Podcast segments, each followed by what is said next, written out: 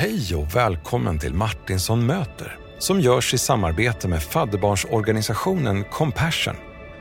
Compassion befriar 2,1 miljoner barn från fattigdom genom drygt 8 000 lokala kyrkor i 25 länder. Är du nyfiken på vad det innebär att bli fadder till ett fadderbarn?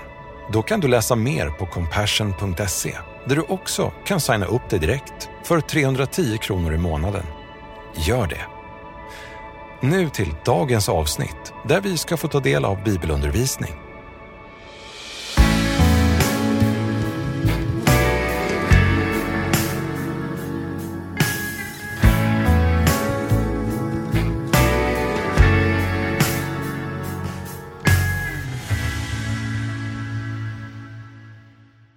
Hej vänner! Varmt välkomna till Martinsson möter.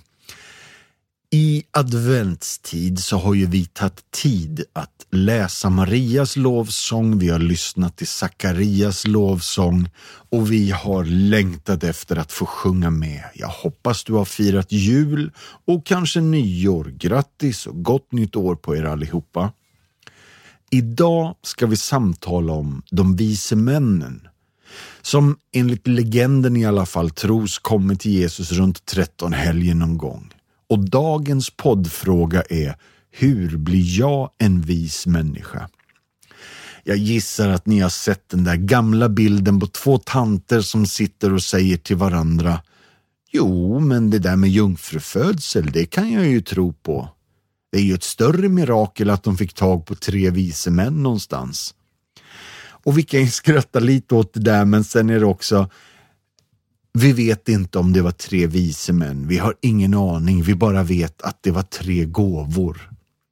Men när jag tänker på visa, kloka, intelligenta människor så kanske ett av de första och största namnen som dyker upp, det är ju Albert Einstein. Han kanske är mest känd för dig som uppkomsten till begreppet Bad Hair Day.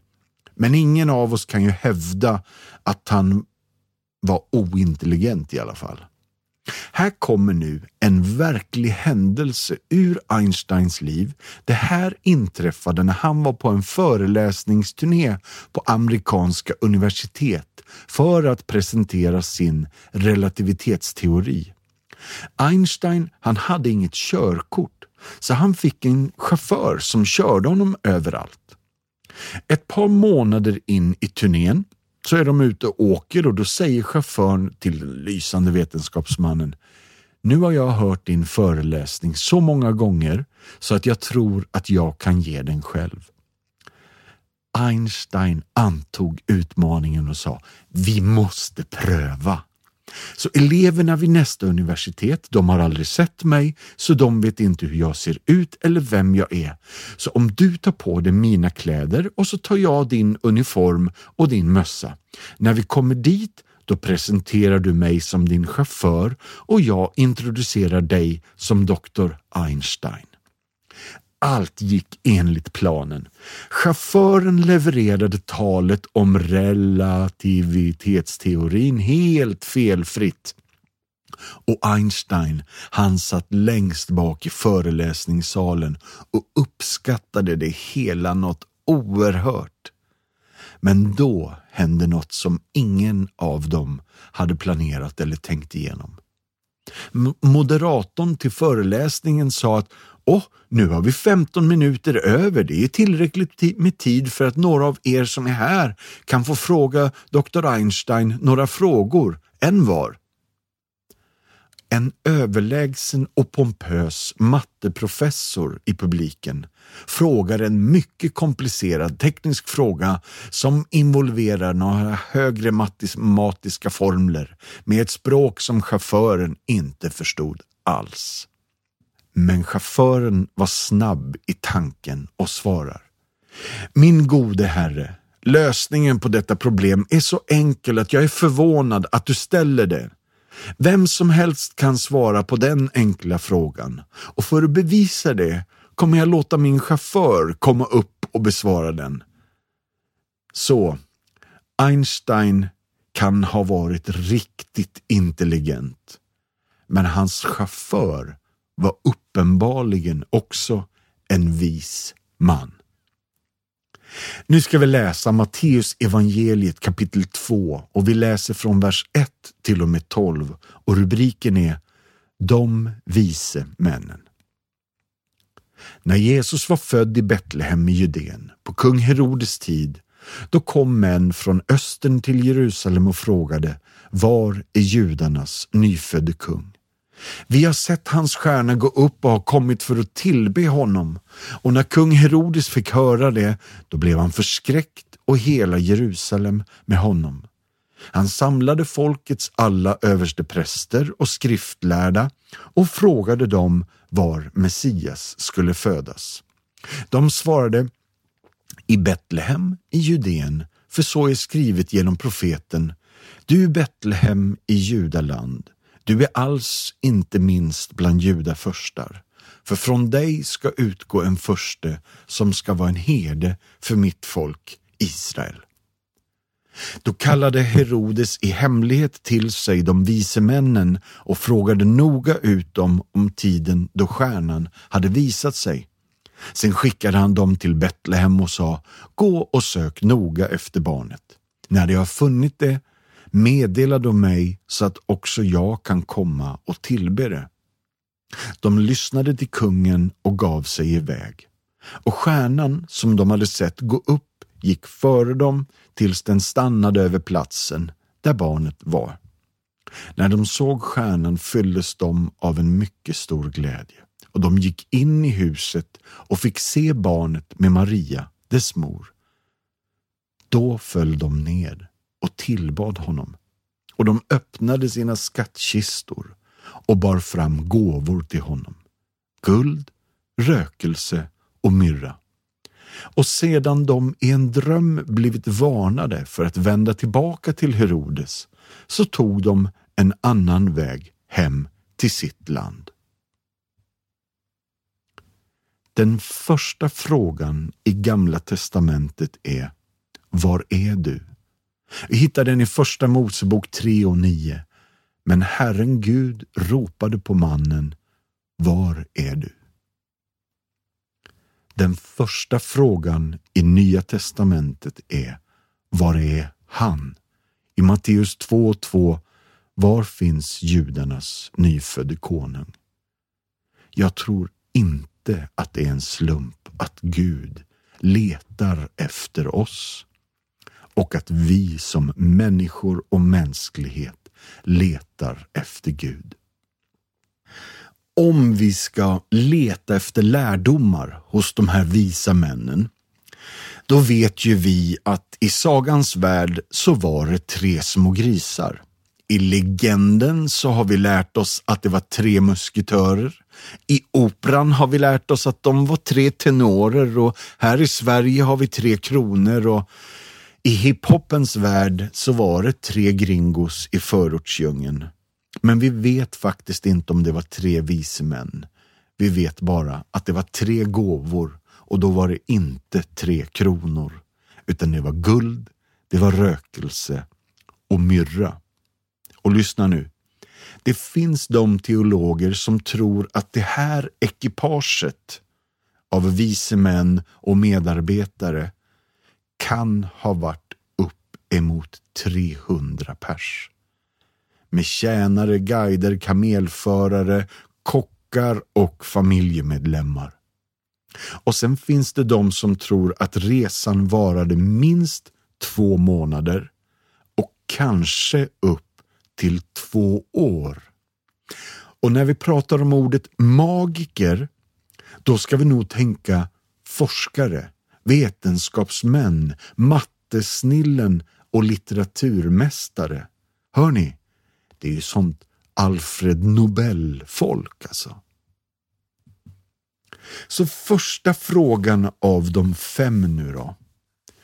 Med rubriken Hur blir jag en vis människa? Punkt nummer ett. En vis människa ger inte upp. En vis människa går inte och lägger sig när nyårssmällan är över och man tänker, vad är det där för stjärna som lyser där uppe? De stannar och väntar. Tänk om de hade väntat länge och sen tröttnat, sett stjärnan men bestämt sig för att äh, vi går och lägger oss igen, det var nog inte mer med det. Så lätt hade de missat både resan och målet med deras liv. Inledningsvis vill jag ställa en väldigt enkel och retorisk fråga till dig. Har du gett upp något nyligen som du egentligen inte skulle ha slutat med? Magikerna är vanliga hedningar som du och jag, som har dragits till Jesus. Och ibland gillar jag att tänka på hur lite de visste. Det enda de har är att de har sett en stjärna och utifrån det så visste de bara att ett barn skulle nog födas som troligtvis skulle heta judarnas konung och det är allt de har. Med inget mer än så så riskerar de allt. De lämnar sitt välstånd, sitt goda rykte, sitt hemland och kanske sin familj för att finna barnet, ge honom gåvorna och tillbe honom. Vi har tidigare sagt att resan kanske pågick i två månader upp till två år och lyssna nu då. Det kanske betyder att de börjar resan långt innan Maria är gravid. Det här är ett av de finaste och kanske djupaste eller starkaste exemplen på en enkel tro genom hela Bibeln. De visste inte mycket om Jesus, men det lilla de visste sporrade dem till stor tro, en ordentlig vandring och en handling som förvandlar. Hur blir jag en vis människa? Punkt nummer två nu då. En vis människa bestämmer sig för att ge sig ut och leta efter Gud. Inte stanna hemma och liksom inte göra något. För det är både dumt och dåraktigt att veta men inte handla. Det här handlar ju om att faktiskt kliva ut i tro och det är alltid skrämmande och ibland är det ensamt. Men om mitt öga har ett fokus på Bibelns kärna och stjärna så kommer det med största sannolikhet vara värt besväret. Så fråga nummer två är, stannar du hemma eller går du ut i krubban för att leta efter kungen? I min fantasi så går jag ibland och tänker på vad sa grannarna till de här gummorna och gubbarna? Ja, håller ni på och packar? Jo, jo, det gör vi ju. Ska ni ut och resa? Jo, det, det, det, det, det ska vi ju. Ja, vart ska ni då? Nej, vi, vi vet inte. Nähä, hur, hur långt ska ni då? Ja, nej, det, det vet vi inte heller. Nähä, men hur länge ska ni vara borta? Ska vi vattna blommorna? Ja, vi är inte helt säkra på något. Och i det här läget, hade jag varit en god granne så hade jag blivit lite ärlig här och sagt att alla andra kallar ju dig för en vis man, men det du säger nu låter inte riktigt klokt överhuvudtaget.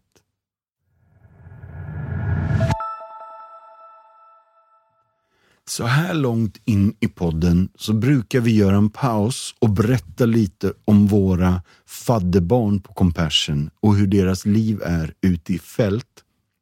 Den här gången skulle jag istället vilja läsa ett bibelord för dig. Och jag gör det med frågan Hur blir jag en vis människa? Och Det här är Saltaren 72 och vers 10 till 15. Kungar från Tarsis och kustländerna ska komma med tribut. Kungar från Saba och Seba ska bära fram gåvor. Alla kungar ska falla ner för honom. Alla folk ska tjäna honom. Ja, han ska rädda den fattige som ropar och den förtryckte som ingen hjälpare har. Han ska vara mild mot den svage och fattige och frälsa de fattigas själar. Han ska befria deras själar från förtryck och våld deras blod är dyrbart i hans ögon. Må han leva och få guld ifrån Saba. må man ständigt be för honom och välsigna honom dagen lång. Det här är alltså psalm 72, skrivet tusen år innan Jesus föddes. Men det är väldigt mycket som stämmer in på honom och de visa männen. Märker du att Jesus liv handlar om den fattige redan innan han är född? Han ska rädda den fattige som ropar och den förtryckte som ingen hjälpare har. Han ska vara mild mot den svage och fattige. Det här är inte bara kyrkans uppdrag utan varje troendes ansvar. Vi uppmuntrar dig. Kom tillsammans så förvandlar vi inte bara våra liv utan fadderbarnens liv och det förändrar successivt vår värld. Compassion är en fadderbarnsorganisation. Vi har funnits i snart 70 år och vi hjälper över, lyssna nu, här kommer en ny siffra, 2,2 miljoner fadderbarn i 25 länder. Och vårt uppdrag det hittar du i Markus evangeliet i Bibeln i kapitel 16 och vers 15 där det står Gå ut i hela världen och predika evangelium. Och evangelium betyder goda nyheter för hela skapelsen. Så som svar på den här missionsbefallningen existerar alltså vi i Compassion som en förespråkare för barn i nöd för att frigöra dem från andlig, ekonomisk, social och fysisk fattigdom. Och vi vill utan att skämmas vädja till dig. Kom, tillsammans kan vi förvandla liv. Och för 310 kronor i månaden kan du bli fadder till ett barn. Gå in på www.compassion.se och bli fadder idag. Ta dig gärna tid och gå runt på vår hemsida, hitta information som kan hjälpa, utrusta och inspirera dig till att bli en sån som faktiskt förändrar och förvandlar omständigheter. Nu då, tillbaka till Hur blir jag en vis man?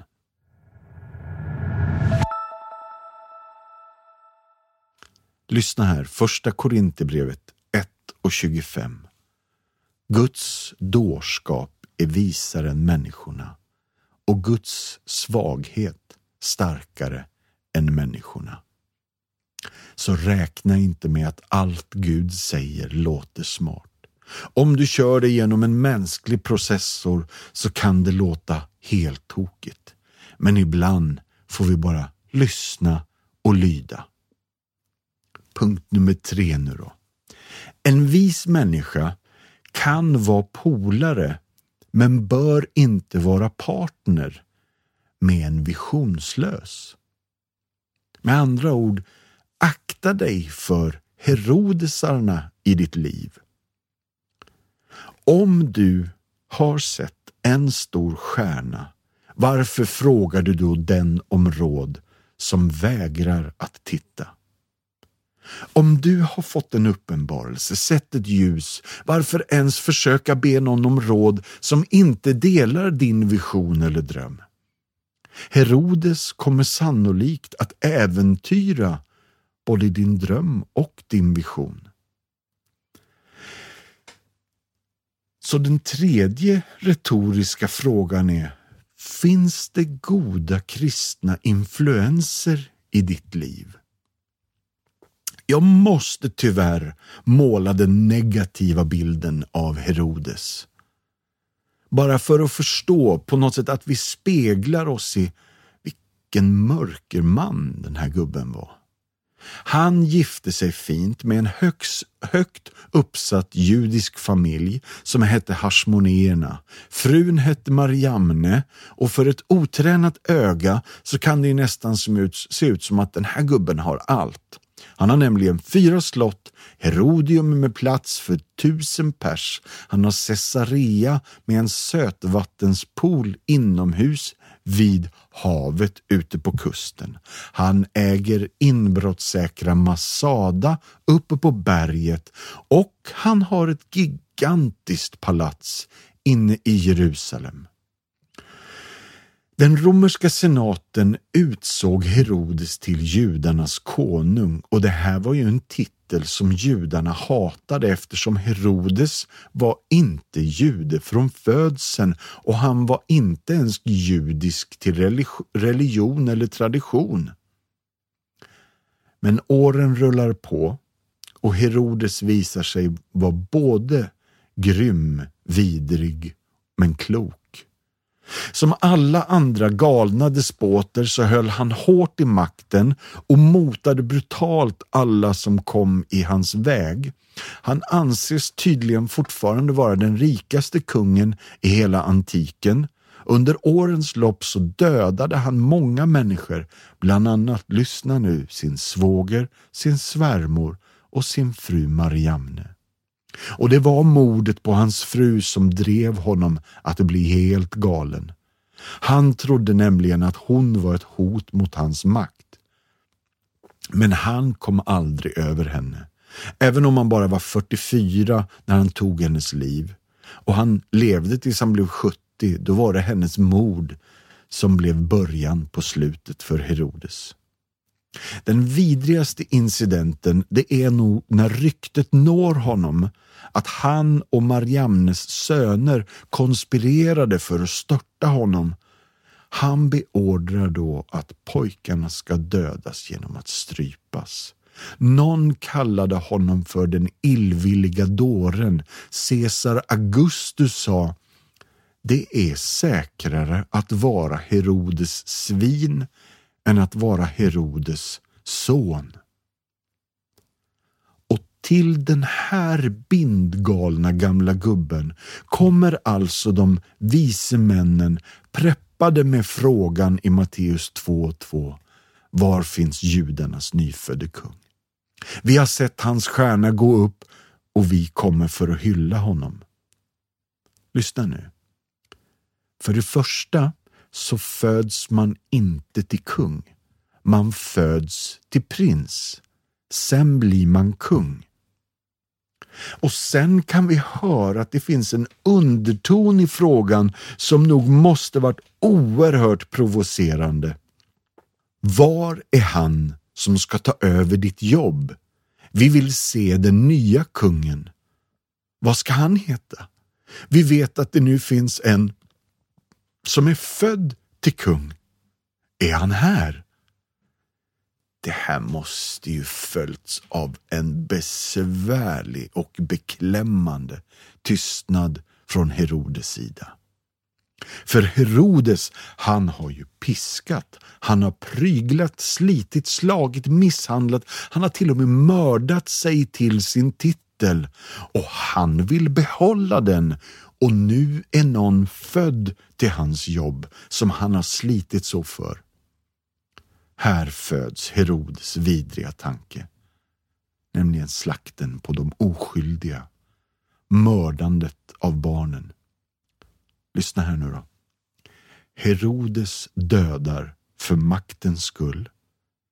Om några år kommer Jesus gå i döden och därmed får han all makt. Herodes döda för maktens skull. Jesus går själv i döden och får allmakten. Punkt nummer fyra. En vis människa låter sin andliga resa börja med en liten stjärna på himlen och sen behåller man det foket hela vägen. Speciellt när man kommer till Herodes och hans ondska, eller kanske inte ens ondskan i första hand, utan bara blingblinget. Vem som helst kan bli distraherad från det egentliga målet när man ser slottets strålglans. Här måste ju kungen födas, eller hur? Åter till varför är vi på väg? Vad var det som ledde oss? Det kan vara en liten och obetydlig begynnelse som vi inte får släppa blicken ifrån.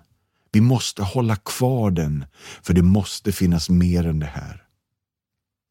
De vise männen blir nu istället superfokuserade. De har en riktigt viktig stjärna att fokusera på och vi är heller inte kallade att göra det självklara eller det uppenbara. Så den retoriska frågan i punkt nummer fyra är Hur ska du och jag gå vidare efter slottet?